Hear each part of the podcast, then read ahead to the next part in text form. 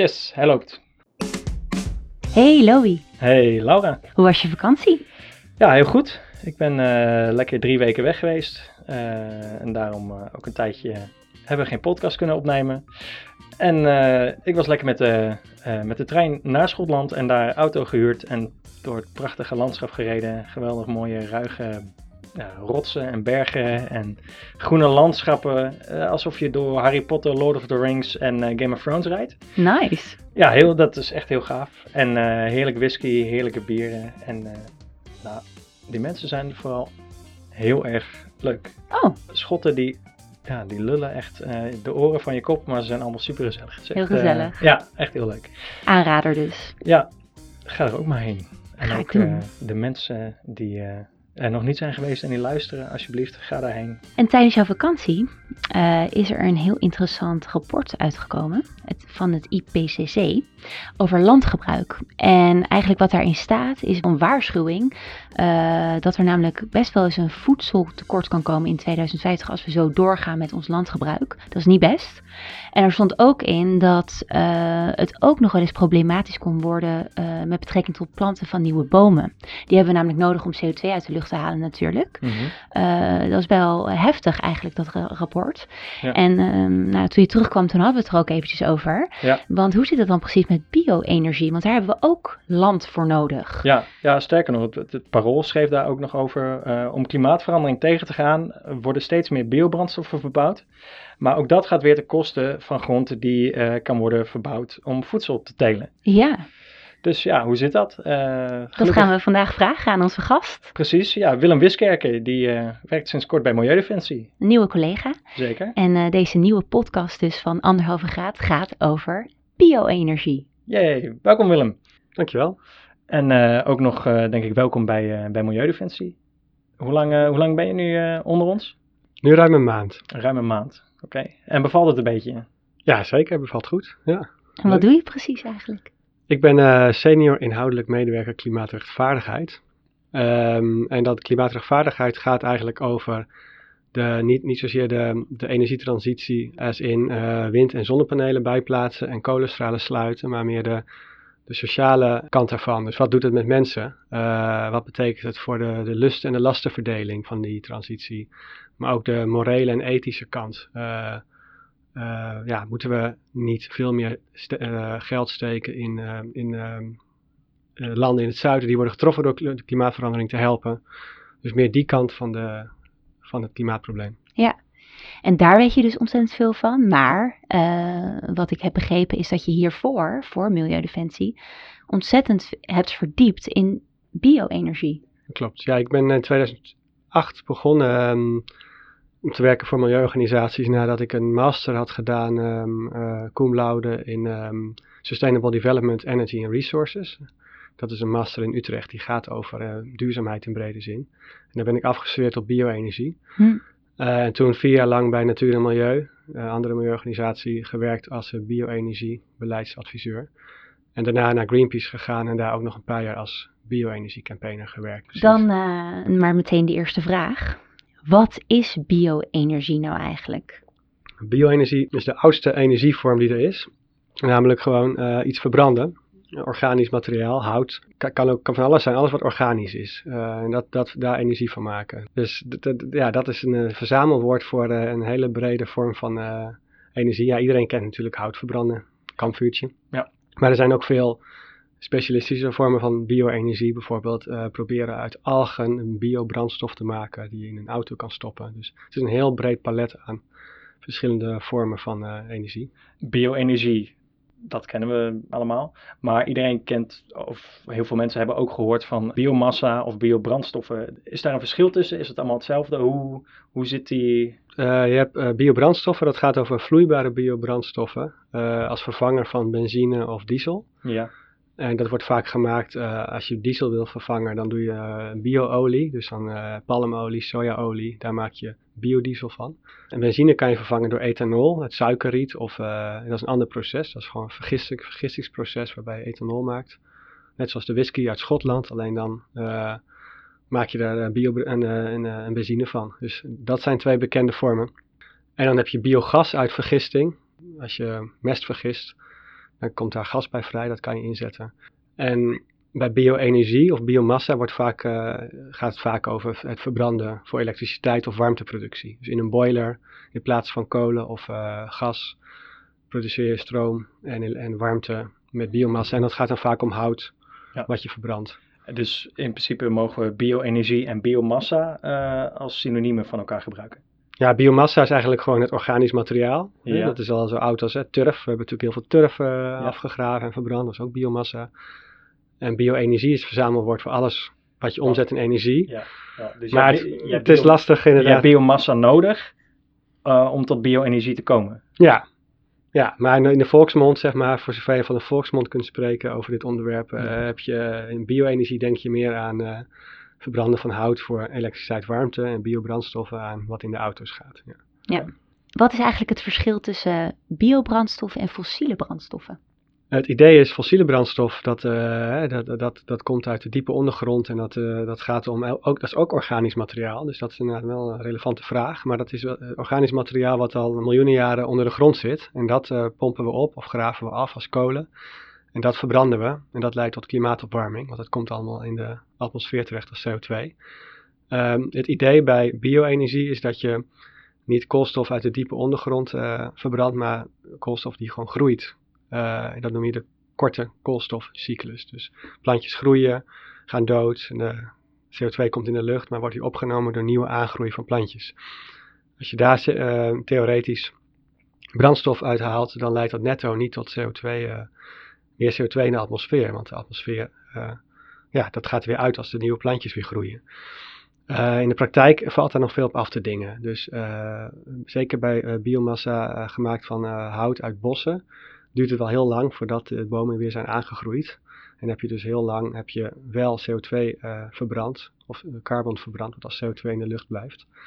En ook bij biobrandstoffen is het uh, niet eenduidig dat dat nou leidt tot veel CO2-reductie, omdat je zoveel oppervlakte nodig hebt voor de teelt van um, palmolie, uh, van palmen of van, um, van suikerriet, dat dat kan leiden tot ontbossing. En als je ontbossing hebt, heb je natuurlijk ook weer heel veel uitstoot. Ja, Bio-energie wordt van allerlei soorten materialen gemaakt. Eigenlijk wat je al aangaf: uh, suiker, hout, mais. Um, en daar zijn natuurlijk allerlei kritiek uh, op gekomen. Ja, heel veel. Ja. In beginsel werd, uh, werd bio-energie door milieuorganisaties ook nog wel gezien als iets positiefs. En dan, moet je echt teruggaan naar um, 15 jaar terug, hè, 2004, 2005. Toen werd het wel gezien als, als iets wat uh, goed bij kon dragen aan de CO2-reductie. Ook omdat toen het potentieel voor wind- en zonne-energie nog veel negatiever werd ingeschat. En dat is nu heel anders. Uh, maar later uh, werd, steeds, werd steeds duidelijker. Toen werd wind, wind en zon werd lager ingeschat. Dachten ze dat het minder ja, dat zou duur zijn en het zou um, uh, duur blijven en ook heel lastig, hè, omdat het flexibel is hè, als het niet waait of de zon niet schijnt. En het voordeel van bio-energie is dat, het, dat je het altijd hebt, dus je kan het altijd, net als fossiel, ja. je kan het altijd inzetten. Um, en daar, er waren toen heel veel studies, ook tijdens mijn afstuderen en tijdens mijn eerste jaren bij Natuur en Milieu, die lieten zien uh, van kijk, het potentieel voor bio-energie is enorm. Je kan mm. eigenlijk er is zoveel potentieel voor bio-energieproductie dat je daar de hele mondiale energievoorziening op zou kunnen laten draaien. Dus daar werd een heel positief over gedacht. Uh, maar later, daarna, kwam pas de kentering. Toen bleek wat de effecten zijn van als politici op basis van het potentieel beleid gaan maken. Ja. Dus als politici zeggen van, oh, er is heel veel potentieel mondiaal, want dat blijkt uit die studies. Maar dus die studies die hebben natuurlijk een realiteit ja. die alleen maar zich beperkt tot een Excel-sheet. Ja. Van ja, potentieel Ehm, en als je dan vervolgens zegt van nou, we gaan het bijmengen van biobrandstoffen verplicht stellen, dan krijg je natuurlijk een enorme vraag naar uh, landbouwgewassen voor biobrandstoffen. En die vraag die wordt uitgezet in de wereldmarkt. En wat doet de wereldmarkt? Die gaat extra landbouwgewassen produceren. En waar doen ze dat? Op plekken waar, dat, eh, waar nog geen landbouwgrond is. En dan krijg je ontbossing. Ja. Dus zo zie je dat zo'n theoretische studie van er is theoretisch heel veel potentieel in de wereld ja. is bijna niet te implementeren in beleid. En dat zie je bij bio-energie, dat is het thema van bio-energie. Dat zie je daar gewoon telkens misgaan. En als het beleid goed gemaakt was, uh, hoe had het er dan uitgezien? Had dat gekund überhaupt uh, op een goede manier? Ja, dat had, dat wel gekund, maar uh, dat is bijna niet te doen. Want de enige manier waarop je bio-energie bijna echt goed kan doen, is niet, niet zeg maar top-down te zeggen van we gaan uh, zoveel bijmengen in de benzine en diesel en biobrandstoffen. Of we gaan een subsidieregeling openen voor het verstoken van hout voor elektriciteit. Maar door alleen maar um, ketens op te zetten tussen uh, producent van bio-energie en afnemer. En dat helemaal duurzaam te doen. En niet alleen duurzaam qua CO2, maar ook qua mensenrechten, want het gaat over landgebruik en natuur en biodiversiteit. Maar op dat moment heb je geen beleid meer, want beleid gaat altijd over iets generieks, iets nationaals. Uh, en het is echt super moeilijk om bio-energie goed te doen um, in, in, nationaal, laat staan Europees beleid. Dus daar zit hem, hem heel erg de, de crux van wat er misgaat. Ja, en je noemde net al heel eventjes het bijmengen. Mm -hmm. uh, dat lijkt me ook problematisch, of valt dat wel mee? Ja, zeker problematisch. Dat is uh, toen in de tijd verzonnen en werd ook wel gesteund door de milieubeweging toen. Van, eerst was het een bijmengverplichting voor oliemaatschappijen. En dat werd natuurlijk gesteund omdat ja, oliemaatschappijen zijn zeg maar ook geen lievertjes. dus uh, een bijmengverplichting, dat vonden de oliemaatschappijen niet leuk. Want die investeren heel groot in olieproductie. En die zagen hun, daarmee hun, uh, hun oliewinst in gevaar komen. En dan als milieubeweging kan je dan heel moeilijk zeggen van ja, wij willen die bijmengverplichting niet. Eigenlijk wat wij toen hebben, de lijn die we hebben gekozen toen is van ja, het moet gewoon duurzaam worden ingevuld. Maar het probleem is dat dat kan bijna niet. Als je zeg maar 10% van benzine en diesel moet gaan vervangen door iets duurzaams. Ja, de elektrische auto's heb je wel, maar dat komt me net een beetje op. Ja. Dan kom je toch al heel snel uit bij grootschalig bijmengen van biobrandstoffen. En, en veel alternatieven zijn er niet. Want hoeveel, wat is het percentage qua bijmengen? Hoeveel biobrandstof wordt er bij het fossiele brandstof bijgemengd? Ja, er is een oplopend percentage. Uh, en daar is nu discussie over. Uh, dat zou 10% zijn in 2020. Oké. Okay. En Nederland gaat daar iets boven zitten uh, nu, omdat Nederland wil eigenlijk de doelstellingen halen voor uh, duurzame energie. Uh, en Nederland loopt erbij achter. En Nederland wil CO2-doelstellingen halen. Dus Nederland zet meer in op biobrandstoffen dan Europees zou hoeven. Terwijl biobrandstoffen niet per se duurzamer is. Nee, of wel? Nee, dat is dus de ellende. Dat in de um, rekenregels over klimaat van de IPCC, notabene, die rekenen bio-energie als klimaatneutraal. Dat doen ze dus op basis van het uh, punt waar ik mee begon. Ja. Van ja, het is een korte kringloop. Als je het verbrandt, groeit het weer terug. Dus ja. net, netto is klimaatneutraal. Maar, uh, en dus mogen biobrandstoffen en biomassa mag als klimaatneutraal in de boeken. En telt het dus op die manier mee voor je CO2 Ook volgens het IPCC zeg je? Ja. Dus het, het, het meest gezaghebbende klimaatinstituut wat we op deze wereld hebben is vrij lyrisch, of misschien te lyrisch volgens jou, over biobrandstof of bio-energie? Nou, het heeft niets met lyrisch te maken. Het heeft ermee te maken dat zij een systematiek hebben over hoe je rekent met, uh, met CO2-reductie. Ja. En daarbij zeggen ze, ontbossing nemen ze wel mee. Ja. Maar dan nemen ze mee in de, in de koolstofboekhouding, zeg maar, van het land waar wordt ontbost. Uh, dus als er wordt ontbost voor biobrandstoffen in Indonesië, dan gaat die ontbossing in de boeken als CO2-reductie of CO2-uitstoot of methaanuitstoot in Indonesië. En ze willen niet dubbel tellen. Dus als wij dan die biobrandstof gebruiken, zegt het IPCC, ook wat terecht van ja, uh, wij rekenen die ontbossing daar al toe, moet je dat niet nog een keer in Nederland doen. Maar vervolgens wat er wel gebeurt, is dat Nederland voor zijn nationale doelstelling zegt, ja, het is klimaatneutraal, biobrandstoffen. Mm. Dus eigenlijk zou Nederland voor zijn nationale doelstelling wel de volledige CO2-reductie um, moeten meenemen, uh, ook inclusief ontbossing. En ja. dan, dan zijn biobrandstoffen niet meer interessant, want dan leidt het netto vaak niet tot CO2-reductie. Hey, in, en um, in mijn research kwam ik ook best wel veel opiniemakers tegen die eigenlijk stelden dat biobrandstof slechter is dan diesel. Klopt dat? Ja, ja je, dat kan. Dus het is allemaal maatwerk. Maar het kan. Kijk, als jij uh, dus biodiesel uit palmolie gebruikt, of eigenlijk biodiesel in het algemeen uit plantaardige olie, uh, dan, daar, is al tien jaar geleden uitgerekend uh, heel duidelijk dat doordat, jij, doordat die vraag naar die, die extra palmolie leidt tot meer ontbossing in landen als Maleisië, Indonesië. Als je dat toekent naar die biodiesel, dan heeft dat meer CO2-uitstoot biodiesel dan gewone diesel. Hoe dat, zit het dan precies met de indirecte impact dan? Nou, het idee is als landen gaan verplichten om biobrandstoffen bij te mengen, en daardoor ontstaat een grotere vraag naar uh, plantaardige olie, dus palmolie, uh, sojaolie. Die grotere vraag leidt tot extra vrijmaken van landbouwgrond en ontbossing. En dat komt doordat die vraag wordt gecreëerd door overheden die biobrandstoffen willen bijmengen.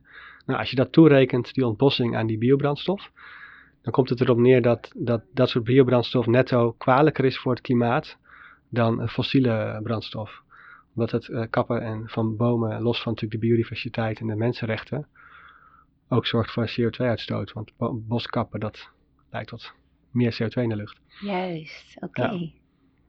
Dus daar zitten, en dat geldt, hetzelfde geldt voor als je hout kapt natuurlijk voor, eh, voor, voor houtpellets, voor elektriciteit en warmteproductie.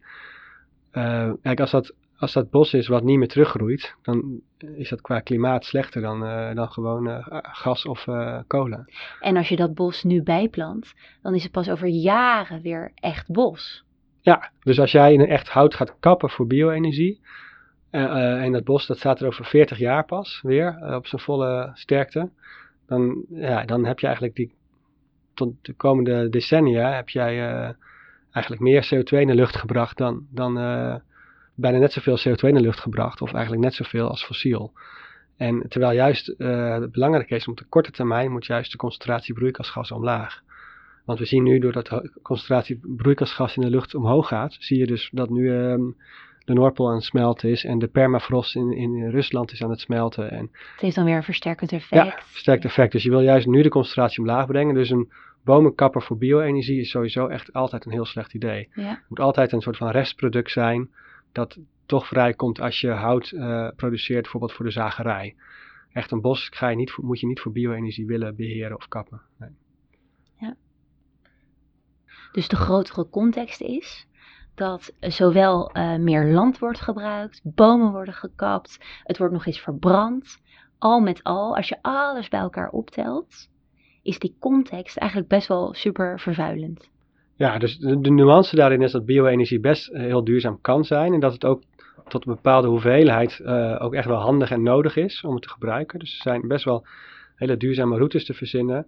Maar als je um, inderdaad gaat zeggen als overheid ja, een bijmengverplichting van 10%, dan heb je het over gigantische hoeveelheden biobrandstof. En dat ga je maar een beetje importeren. En je geeft het weg aan de vrije markt. Je hebt het landgebruik niet onder controle, dan leidt dat tot schade. En dat geldt ook voor, uh, voor hout. Als je zomaar uh, uh, een vraag creëert naar hout, houtkorrels om te verbranden in energiecentrales. Ja, die vraag leidt mondiaal gewoon tot, tot, tot ja, het kappen van bos. Want oh, is maar hoe wel dan? Nou ja, dat, dat, dat, dat, is dus, dat kan dus om heel veel gaan. Als de, de, de vraag naar houtkorrels, die was heel klein, maar die neemt enorm toe. Omdat landen, heel veel landen daarop in gaan zetten voor hun energievoorziening om, om uh, energie uit kolenstrales mee te vervangen. Dus Nederland gaat flink uh, hout bijstoken in kolenstrales, maar dat doen Engeland en uh, Denemarken en andere landen ook. En dan creëer je een hele grote vraag naar houtkorrels. Ja, en dan gaat de, gaat de markt gaat daarop reageren. Dus dan nu krijg je enorme fabrieken in bossen, in bosgebieden, die houtkorrels maken. Wat zijn houtkorrels?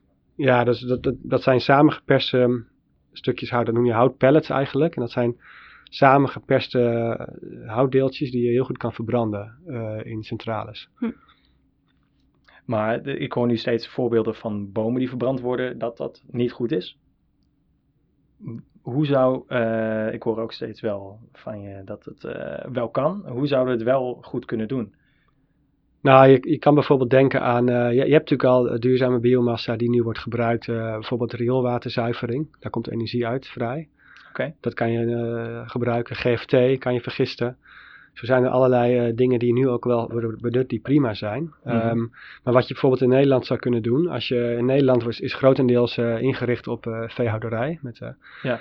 Ja, grote lappen Engels rijgras voor de, voor, voor de, voor de productie van ja, gras voor de vee-industrie. Wat voor gras?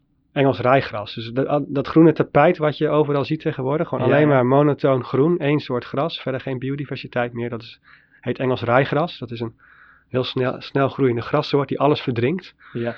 Uh, heeft er ook aan bijgedragen dat de biodiversiteit in Nederland is gekelderd de afgelopen decennia. En dat is volledig ingericht op massaproductie uh, voor de Nederlandse vee, veestapel. Mm -hmm. nou, als je de veestapel uh, zou halveren of nog veel verder zou af laten doen afnemen, haal je in Nederland heel veel land over.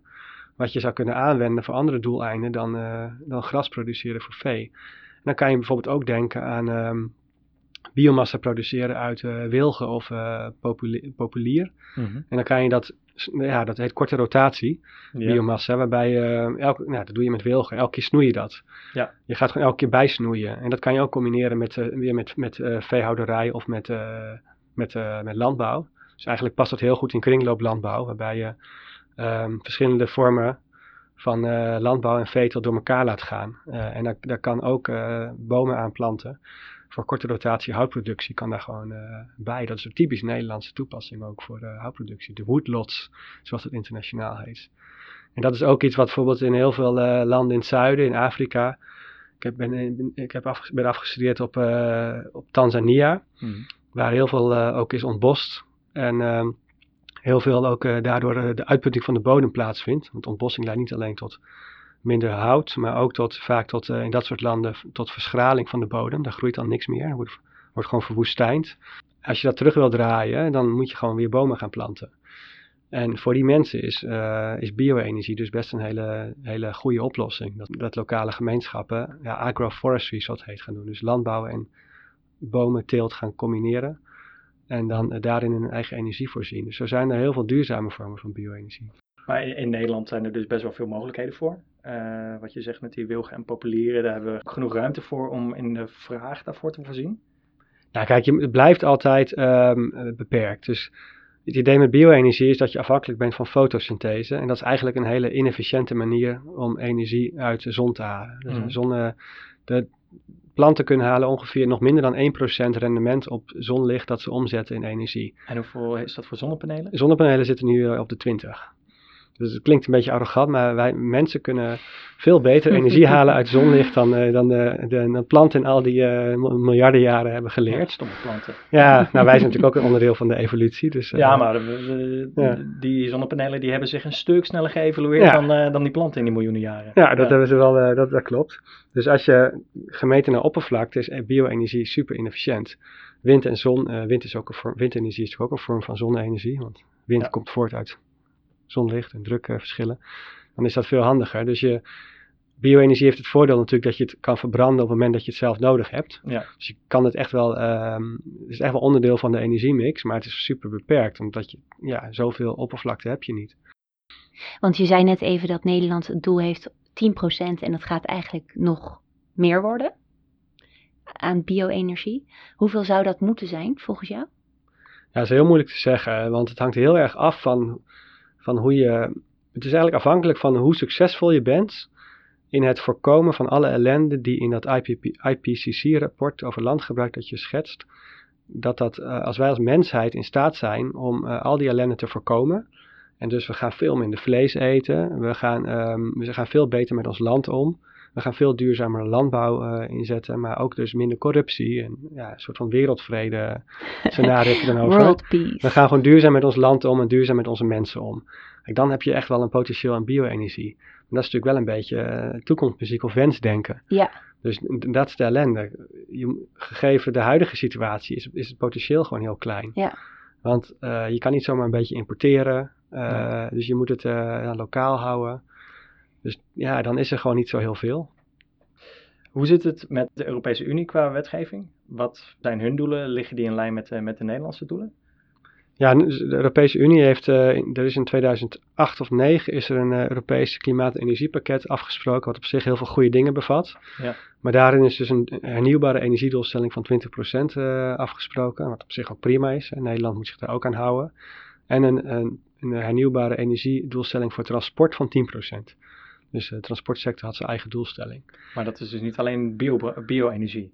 nee, dat is dus alles. Dus ehm, het, kan elektriciteit en warmte zijn. En wat je ziet is dat, dat landen, lidstaten, die gaan een groot deel van die opgaven, die, die, die doen ze met bio-energie. En dat komt omdat dat heel erg nauw aansluit bij wat ze toch al deden met fossiel. Ja. Het is een kwestie, je gaat iets anders verbranden, maar je blijft gewoon verbranden. En dat is...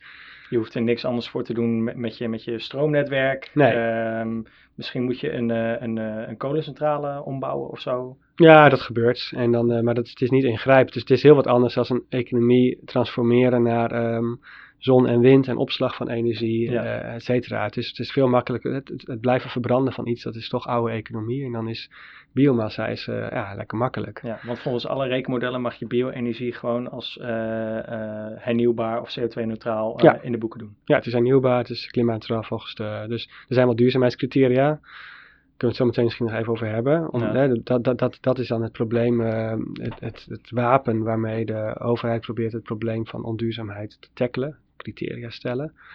Maar uiteindelijk uh, ja, is het gewoon heel erg. Kijk, het enige wat bio-energie um, in het, uh, voor overheden langzamerhand minder aantrekkelijk aan het maken is, is dat het toch wel relatief duur is. En dat komt omdat zon en wind is de afgelopen, uh, ja, heeft, is gekelderd in prijs de afgelopen jaren. Had niemand voorspeld. Ja. Dus dat zo snel zien gaan. Maar we bouwen de eerste windpark op zee subsidieloos. En zonne-energie is ook competitief met fossiele energie.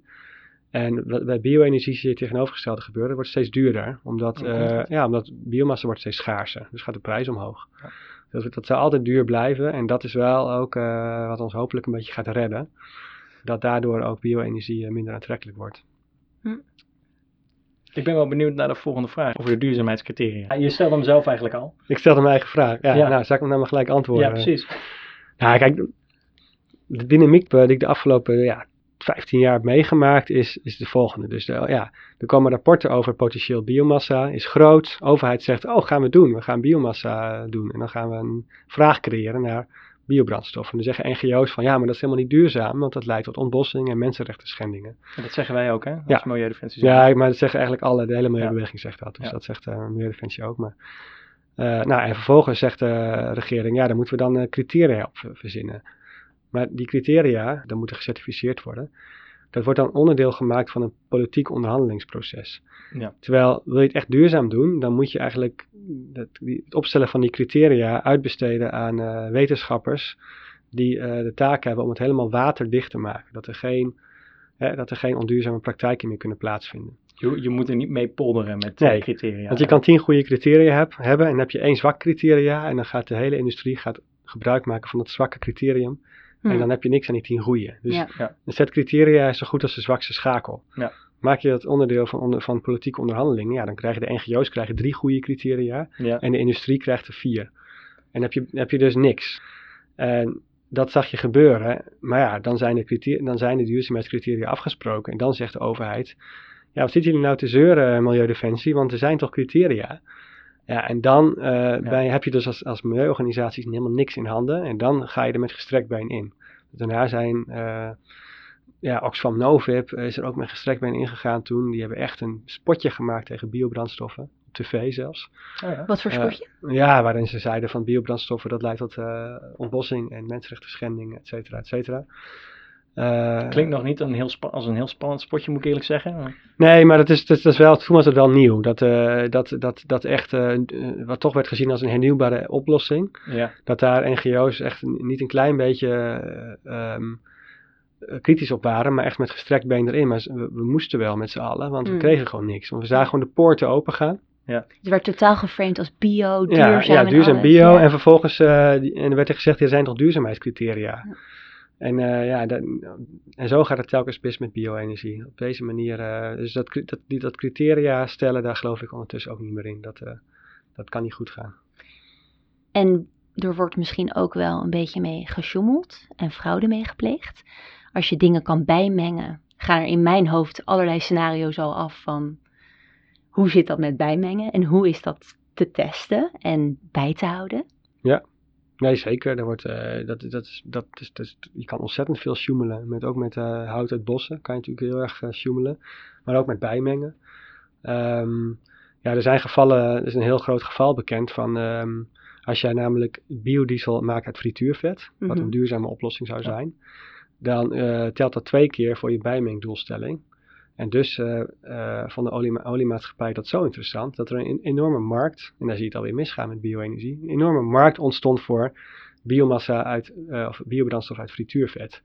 Dus er ontstond een gigantische vraag, mondiale vraag naar frituurvet voor, voor de Nederlandse markt. Iedereen meer friet eten. Ja, waardoor er nu. Prima, lekker. Ja. Precies, waardoor er nu frituurvet wordt geïmporteerd uit 60 landen naar Nederland. Ja, dat, dat zegt al iets over hoe die biel eigenlijk het grootschalig inzetten op bio-energie is. Dat je, dus Iedereen snapt toch dat het niet duurzaam is dat wij uit 60 landen frituurvet importeren. Ja, precies. Om hier uh, bij te mengen. Uh, en daar, daar werd dus mee gefraudeerd. Uh, waarschijnlijk nog. nog. Want wat je gaat doen, je gaat natuurlijk dan gewoon palmolie of zonnebloemolie. Ja, dan kun je gewoon één kroket in frituren in het, laten, ja. bij wijze van spreken, in een scheepsruim. En dan heb je in, in één keer gebruikt frituurvet en dan kan je dat verkopen als gebruikt frituurvet. Dus dat soort misstanden krijg je dan. Ja. Ja. Want was het niet ook zo dat de KLM eh, zei, ja, we gaan nu eh, vluchten organiseren naar Los Angeles op inderdaad eh, gebruikt frituurvet, maar dat, dat Milieudefensie had even een rekensommetje gemaakt. Ja, had je 1 miljoen frietjes voor Ja, zo, toch? ja, precies. Dus Ja. elk gezond verstand kan bedenken van, nou, dat is natuurlijk geen oplossing. Nee, precies. Ik heb ook wel eens uitgerekend dat, dat, dat was notabene bij, eh, met WNF werkte, werkte KLM toen nog samen, jaren geleden, ook op bio-energie. Eh, biobrandstoffen. Toen gingen ze naar New York op en neer op camelina-olie. Dat is een plantje, een gewas, vergelijkbaar met koolzaad. Eén zo'n vlucht was dan 400 voetbalvelden aan camelina-olie was daarvoor nodig. Dus dat laat inderdaad heel goed zien ja, hoe beperkt het potentieel is. eh, ja, ja. Terwijl, eh, ik vind het wel een mooi brugje, want dat, eh, ik heb me een klein beetje ingelezen en daar zie ik wel steeds, ehm, of een aantal keer dat voorbij komen, dat eh, bio-energie of biobrandstoffen toch wel een oplossing zijn voor het probleem met eh, vervu- vervuilend vliegen. Nee, dat is, dat, is bij lange na niet. Ja, omdat je ook brandstoffen, je moet biokerosine maken. Dus dan Ja. kom je bij hetzelfde probleem als biobrandstof voor auto's. Dus landbouwgewassen. Nou ja, als je, als je voor één vlucht naar New York met een Boeing 747 al 400 voetbalvelden aan landbouwgrond nodig hebt. Ja, dan kun je wel nagaan dat dat geen oplossing kan zijn voor de luchtvaart. Dat is echt, eh, dat, dat, kan echt niet waar zijn. Dus dat is ook een beetje greenwashing. De luchtvaart weet natuurlijk helemaal niet wat ze moeten. Hè, die, eh, die, die proberen zich angstvallig buiten Parijsakkoord en buiten Ja. klimaatafspraken te houden. Dat gaat lukt ze heel goed. En eh, te- tegelijkertijd, en dat zie je natuurlijk elke industrie doen, je houdt je buiten binnen de afspraken, maar vervolgens kom je met je eigen greenwash-programmaatje. Om te Ja. laten zien van, kijk eens, we doen wat en dus hebben ze, doen ze iets met biobrandstoffen, maar dat stelt niks voor. En, en, mocht het nou veel efficiënter worden, nou ja, Nou, de biobrandstoffen, daar kan je Dat niet dat- überhaupt nee, nee. En het probleem is ook, eh, wat je ook nog houdt, is dat de helft van de klimaatimpact van luchtvaart is niet zozeer het verbranden van eh, fossiele brandstof, maar wolkenvorming. Dus al die, eh, soms zie je echt van die strepen wolken boven Ja. de stad. Nou, dat is allemaal enorme, het leidt enorm tot opwarming van de aarde. Mhm. Die wolkenvorming, die is, eh, daarvan wordt gedacht dat het ongeveer de helft van de klimaatimpact van de luchtvaart is. Mhm. Dus dat eh, dus iets, iets verbranden op hoge, grote hoogte, dat wil je eh, sowieso niet doen. dit, hoor, dit, dit hoor ik nu voor het eerst. Dit is waterdamp. En waterdamp eh, is een enorm sterk broeikasgas. En eh, waterdamp op grote hoogte leidt. Kijk, voor kort, het is voor kortere tijd natuurlijk. Want het, die, die, die, die, eh, die trails die gaan natuurlijk weer weg. Mhm. Maar als de hele tijd overal vliegtuigen vliegen. Dan heb je de hele tijd wolkenvorming op grote hoogte. En dat leidt tot, tot eh, aanzienlijke eh, opwarming. Mhm. Dus dat, is, dat komt nog bovenop eh, de, het verbranden van eh, CO2 op grote hoogte. ja. Hey, en je zei eerder eventjes van, nou, het wordt wel veel genoemd in het IPCC-rapport natuurlijk, biobrandstof en bio-energie. Ehm, maar hebben we het nou dus nodig om onder die anderhalve graad te blijven en om Parijs te halen volgens jou? Ja, ja, je hebt het zeker nodig. En in heel veel landen is het, ja, in landen met heel veel bos is het ook echt een, kan het echt een grote bron zijn. In landen waar weinig mensen wonen, maar waar heel veel bos staat. Eh, neem Rusland. Ja. Neem eh, Heel Scandinavië heel waarschijnlijk. Scandinavië, ja, in Canada, eh, grote stukken van de VS. Ja, dan kun je natuurlijk prima uit, uit duurzame hout, als je hout produceert voor, eh, voor timmerhout, dan Ja. produceer je daarmee ook hout dat je niet gebruikt voor timmerhout, maar wat je ook niet allemaal in het bos wil laten liggen. Eh, en daar kun je eh, prima houtpellets van maken die je verbrandt. Eh, dus dat kan, dat, daar kun je echt wel een, eh, een deel van je economie, eh, van je energievoorziening op laten draaien in bosrijke landen. Ook in Nederland trouwens hoor. Wij kunnen best wel een deel met onze eigen biomassa doen, maar dat blijft altijd een beperkt deel. Welk deel? Ja, daar wordt al verschillend. Dat verschilt heel erg per land. Eh, mondiaal. eh, ik ben, ik ben vooral benieuwd naar Nederland, weet je. ja, nou, er is een, er is een eh, mon- mondiaal is momenteel het, ene- het bio-energieverbruik 15%. Oké. Maar daar zit heel veel onduurzaam bio-energieverbruik bij. Niet zozeer uit rijke landen, maar juist eh, la- eh, armere landen in het zuiden. Waar eh, hout wordt gekapt puur uit armoede. Dus eh, ik heb het zelf in Tanzania ook gezien toen ik daar was. Ja, al die mensen die maar eh, eh, ja, op zoek gaan naar eh, brandhout eh, om op te koken dagelijks. En eh, rondom steden wordt daar al dat, al dat bos wordt daar gekapt om daar eh, houtskool van te maken voor, om in de stad eh, mensen te laten koken. ja. Dus dat is een heel groot pro- grote bron, eh, bron van onduurzaamheid eh, in eh, heel veel landen. En, maar dat is wel een groot deel van de energievoorziening nog steeds in de wereld zelfs. Ja. Dus en eh, het laatste rapport van Greenpeace, eh, een scenario over energie, voor duurzame energie, zegt van we kunnen toe van 15% eh, biomassaverbruik nu naar 15% biomassaverbruik in 2050, alleen dan duurzaam.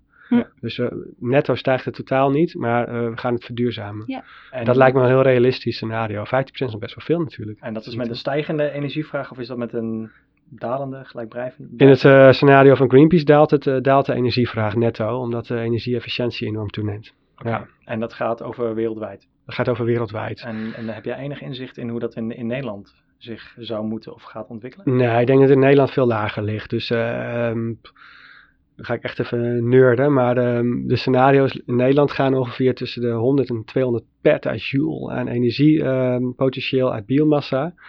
En dat is dan, ehm, zou ongeveer dan ehm, ja, 5% van de energievoorziening zijn. Zoiets, vijf, tussen de 5 en 10 misschien maximaal. Ja. Als je eh, flink inzet op besparing.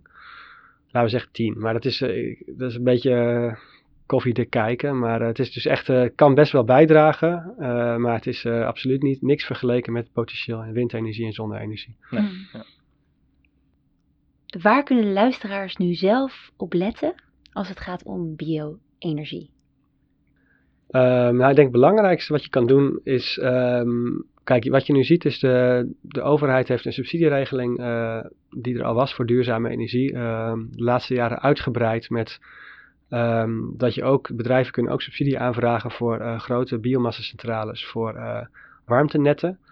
Eh, Dus eh, voor, voor, eh, voor eh, ja, aardgasvrije wijken ko- worden warmtenetten aangelegd en dat kan tegenwoordig ook met, eh, met biomassa. En we, we zien dus nu dat er in Diemen, eh, ja, hier vlakbij, is een grote centrale van, gascentrale van Nuon is omgebouwd tot eh warmte, een biomassacentrale Ja. voor het Amsterdamse warmtenet.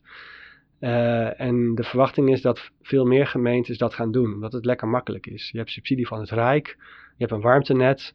En als je biomassa verbrandt, heb je lekkere hete warmte. En dan hoef je die huizen ook maar niet te isoleren, want dan heb je gewoon lekker hoge temperatuurwarmte. Dus het is voor iedereen makkelijk. Ook voor corporaties, want die hoeven niet te isoleren. En daar eh, zou je echt op kunnen letten als, eh, als burger. Dat jij, als je dat ziet, dat jij wel even gaat protesteren. Eh, dat je zegt van ja, ik wil dus even geen biomassa-centrales in mijn buurt. Waar wij denk ik voor moeten gaan pleiten is een soort moratorium of een stop op de groei van bio-energie in Nederland. In Nederland hebben we al best wel veel en meer moet er maar niet bij. En daar, daar ben ik wel bang voor, want ook de industrie wil heel erg ingezet op biomassa voor productie van stoom voor de industrie, voor de ja. industriële toepassingen. Nou, en dan nog een keer eh, al die warmtenetten. En eh, ja, daar, daar zit een enorme wildgroei in. En hoe weet je dat dan? Van eh, bij die moet ik wel zijn of bij die moet ik niet zijn? Staat dat ergens? Ja, dat is een goeie. Dat, ehm daar zou je, daar zou je, de, je zou je natuurlijk gewoon de gemeente kunnen bellen en zeggen van, eh, joh, eh, Waar komt het vandaan? maak me zorgen over biomassa. Hebben jullie nog plannen om iets met Ja. biomassa te gaan doen? Dan zou ik tegen zijn. Ik denk dat je grootste bijdrage... Ja, je, je moet ze niet op ideeën brengen ook nog, hè? Dat, Nee, ik denk als je belt dat je zegt van nou, eh, ik denk dat, dat, dat als de burgers gaan bellen naar de gemeente, en ik heb wel ervaring daarmee, dat de gemeente daar al van schrikt. Ja, dus dat is je grootste invloed. Niet als consument, maar als burger. Dus dat is de tip voor de luisteraars. Even een belletje. Ja, naar je energiebedrijf ook. Ja. Van joh, hebben jullie iets met bio-energie en eh, hoe zit het dan? Het hoeft niet slecht te zijn, er zijn ook wel goede vormen van bio-energie, maar je kan dus, ja, ga, ga naar een energiebedrijf die niet eh, groot, inzet op grootschalige bio-energie. Als het een klein per- percentage is, prima. Ja, klein en lokaal, ja. Wij heten als podcast Anderhalve Graad. Ik weet niet of we dat al genoemd hebben, maar zo heten we. En eh, daarom vragen we ook altijd aan, eh, aan onze gast wat, eh, wat hij het, ja, het meest belangrijk vindt dat er überhaupt gaat gebeuren om onder anderhalve graad te blijven. Wat, we hebben het de hele tijd over bio-energie gehad. Het kan iets met bio-energie te maken hebben, maar het kan ook breder zijn. Wat denk jij dat het belangrijkste is om, dat er nu gebeurt om, om de anderhalve graad te blijven? Kijk wat de wetenschap zegt over wat er nodig is om onder anderhalve graad te blijven. Dan moet een land als Nederland moet, eh, zijn fossiele moet ongeveer binnen nu en ehm, ja, 2030 uiterlijk ehm, van de fossiele brandstoffen af. Misschien nog wel eerder. Helemaal ervan af. Ja, dus je moet echt. Volgens mij, het laatste wat ik heb daarover heb gelezen, is dat je ja, tussen 2025 en 2030 ongeveer moet Nederland naar nul uitstoot. Ja, dat is echt absurd snel. Daar kun je gewoon niet bijbenen. Je kunt dat ook niet bijbenen qua ehm, het bijbouwen van eh, windparken of het bijbouwen van, eh, van zonnevelden. Dus Zeg dat je is- nou dat we al te laat zijn? ja, ja, we zijn al te laat. Dat, is, eh, dat klinkt heel. eh, je kan het nog wel goed maken door later enorm in te zetten op herbebossing. Dus je kan, Ja. als wij wereldwijd ehm, enorm inzetten op herbebossing. en dat kan, dan kan je eventjes door die ondergrens zakken en daarna weer bovenop komen. Maar het belangrijkste wat er nodig is, is een enorme daling in, in het verbruik. Dus dat is toch, dat klinkt toch als een, uh, ja, een soort bijna culturele verandering. We moeten echt, ja, dat klinkt heel gereformeerd, maar echt veel soberder uh, leven. En zonder dat ik uh, wil zeggen dat consumenten verantwoordelijk zijn. Ja. Maar onze wereldeconomie, die verbruikt te veel energie. En daar, we moeten heel snel ons energieverbruik omlaag schroeven. Dat is denk ik wel enorm belangrijk. Anders kom je daar echt niet. Echt heel snel. Dus ja, daar, daar, zit een, daar zit de grootste uitdaging. Hoe krijgen we in die daling van het energieverbruik? Want is, onze hele economie is ingericht op groei. Altijd Ja. maar meer, meer, meer consumeren, consumeren, koopkracht, consumeren. Daar, dat kan niet. Nee. Heb je nog wel een sprankje hoop? Een hoop. Ehm Moet wat diep komen dit. Eh, moet wel van diep komen. Ehm, ik denk dat het wel. eh, ja, ik heb zelf twee kinderen. eh, en ik. Eh, ik maak me wel eens zorgen. Ik, vrienden van mij met kinderen die maken zich meer zorgen. Die, eh, ik heb echt vrienden die geen kinderen willen of maar één kind, omdat ze zich zorgen maken over de toekomst van de planeet. Daar ben ik zelf niet zo van. Ehm, dan is mijn hoop ehm, dat mensen wel heel innovatief zijn en heel snel adaptief kunnen zijn.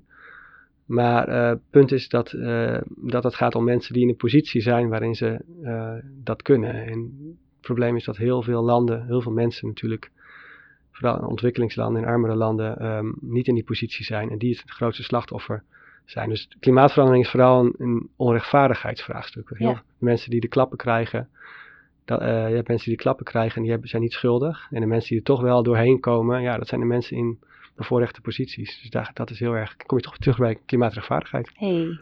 Kringeltje weer rond. Ja, Mooi. Nou, laten we hem daar ook maar eh, gewoon mee afsluiten. Ja, of niet? Ja, zeker. Heel erg bedankt, Willem. We zijn weer een stuk wijzer geworden. Wederom. De derde keer al. Ja, Nou, was dit hem. was hem weer. Ja. Ja. Eh, dank Willem. Eh, veel plezier nog eh, bij de rest van je tijd. Mooie. Goede kans dat we je nog wel een keer spreken Vast van de wel. komende afleveringen. Ja, en eh, luisteraars, als jullie vragen hebben, dat kan. We hebben ook een e-mailadres. Anderhalve graad at milieudefensie.nl. Je kunt ook ons volgen op alle socials. Je kunt reageren op je favoriete podcastkanaal. We hebben inmiddels ook iTunes. Hey, Hey. goed gedaan Laura. Ja. Jij zorgt er allemaal voor. Ja joh. Tot de volgende keer. Yes, tot de volgende.